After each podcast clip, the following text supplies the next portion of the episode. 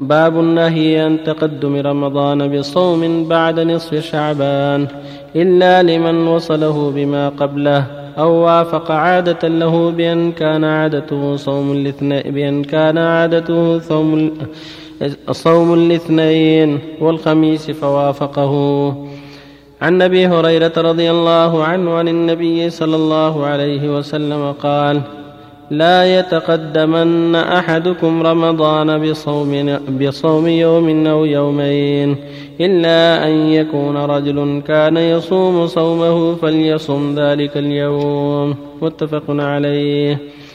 وعن ابن عباس رضي الله عنهما قال قال رسول الله صلى الله عليه وسلم لا تصوموا قبل رمضان صوموا لرؤيته وافطروا لرؤيته. فإن حالت دونه غيابة فأكملوا ثلاثين يوما. فإن حالت دونه غياية فأكملوا ثلاثين يوما. رواه الترمذي وقال حديث حسن صحيح. وعن أبي هريرة رضي الله عنه قال قال رسول الله صلى الله عليه وسلم إذا بقي نصف من شعبان فلا تصوموا. رواه الترمذي وقال حديث حسن صحيح.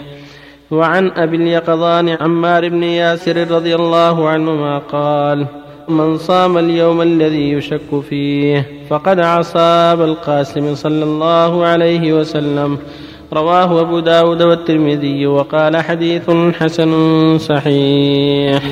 بسم الله الرحمن الحمد لله وصلى الله وسلم على رسول الله. وعلى آله وأصحابه من اهتدى بهم أما بعد هذه الأحاديث الأربعة كلها تدل على أنه لا يجوز تقدم رمضان صوم يوم ولا يومين ولا بدء الصيام بعد النصف من شعبان. سدا لذريعة الزيادة فيما, فيما شرع الله. وكانت النصارى زادت في صيامها ما لم يشرعه الله.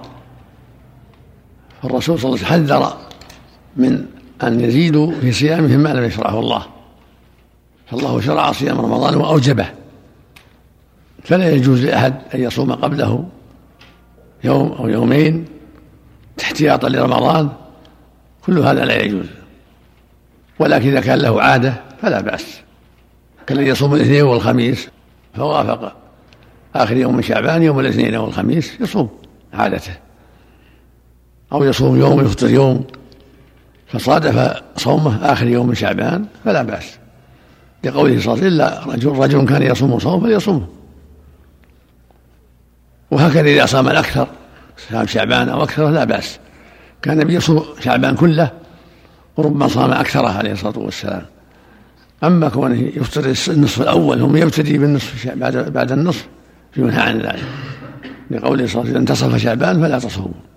يعني إذا لم تصوموا قبله أما من صام قبله صام أكثر الشهر فلا بأس. الحديث الثاني يقول صلى الله عليه وسلم صوموا لرؤيته وأفطروا رؤيته فإن غم عليكم فأكملوا عدة. في الأرض الآخر فأكملوا عدة شعبان ثلاثين يوما. فإذا غم الشهر وجب إكمال العدة في الدخول إكمال شعبان وفي الخروج إكمال رمضان. والصوم يكون بالرؤية أو بإكمال العدد لا بالحساب. الحساب لا يعتمد عند لا يعتمد عند جميع أهل العلم. وإنما العمدة على الرؤية أو إكمال العدة. فإذا غبي دخول رمضان وجب إكمال عدة شعبان ثلاثين يوما. وإذا غبي دخول شوال وجب إكمال رمضان ثلاثين يوما. ثم يفطر الناس. ويقول عمار رضي الله عنه بن ياسر رضي الله عنهما من صام اليوم الذي يشك فيه فقد عصى ابا القاسم صلى الله عليه وسلم. هذا له حكم الرفع. لأن أخبر أن الرسول صلى الله عليه وسلم نهى عن هذا الشيء وأن صومه عصيان له عليه الصلاة والسلام. وبهذا يعلم أن آخر شعبان لا يصام احتياطا لرمضان سواء كان صحوا أو غيما لا يصام. إلا رجل له عادة فصادفت عادته آخر شعبان كالذي يصوم الاثنين والخميس أو يصوم يوم ويفطر يوم فإنه يصوم. أو إنسان يصوم الشهر كله شعبان فلا بأس. تقول أم سلمة كان يصوم شعبان الشهر كله النبي صلى الله عليه وسلم.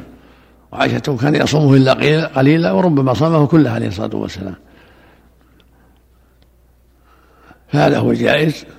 إذا صامه كلها وأكثر أما أن يبتدي بعد النصف من شعبان فلا. أو يصوم آخر شعبان فلا. إلا إذا كان عادة له. وافقت آخر شعبان وفق الله الجميع نعم. عليك يا شيخ. بالنسبة للإنسان هذه بيت النية الصوم الواجب عليه واجب عليه. الأعمال بالنيات. كل يوم له نيته كل يوم مستقل. هذا الصواب. قيام السحور يا شيخ. لو اكتفى إذا قبل السحور هو ناول الصيام ما يحتاج. من قبل السحور هو ناول الصيام نعم الله عليك لو اكتفى بأول الشهر فقط نية واحدة لا ما يكفي. الصواب لابد من نية كل شهر. فإذا فإذا صامه غافل ما نوى شيء ما يصوم ما, ما يجزي. لابد كل كل يوم مستقل. لو أكل فيه أفطر ولو جمع فيه أفطر كل يوم له استقلاله. وإذا نسي. وإذا نسي عليه شيء نعم. نسي. ما دام انها وين بيصومه في الليل يكفي. ما دام نيته يصومه غدا الحمد لله. ولو ولو ما ذكر وقت السحور. نعم. إليك يا شيخ. نعم. عند أهل نجد آه، يقولون عشاء الوالدين هل هو يعني في شيء شيء؟ صدقة في رمضان. هذا معناه صدقة في رمضان. يسمونه عشاء لا بأس به صدقة رمضان مضاعفة الصدقة في رمضان. فإذا صدق في رمضان خصه بيزيد صدقات أو في العشر الأخيرة كان له فضله سواء سمي عشاء الوالدين أو عشاء الأقارب أو عشاء الجيران أو عشاء الفقراء لا أحسن الله إليك أنه يخصصونه ب 27 عشاء الأموات هذا عشاء ليلة القدر رجاء ليلة القدر.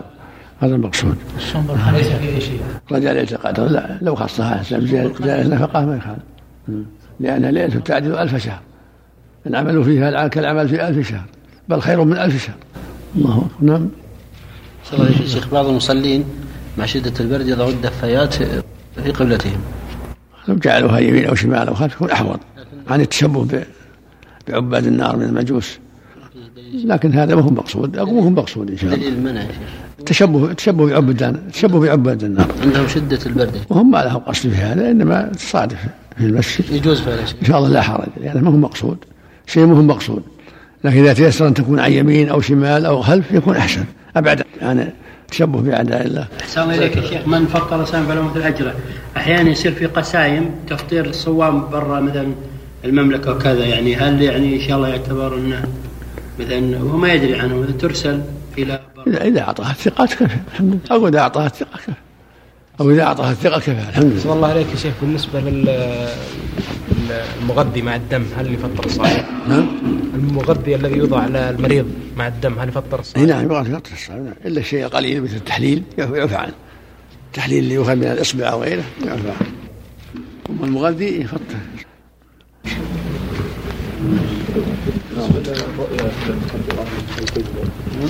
رؤية المكبرات إذا كان بالعين استعان بشيء وهو بعينه. بالمنظار بالدربيل وغيره لكن بالعين. أحسن إليك بالنسبة اللي يفطر على المدفع جائز يا شيخ؟ لا بأس. شو يدعو لله مدفع؟ يدعو على مثل الأذان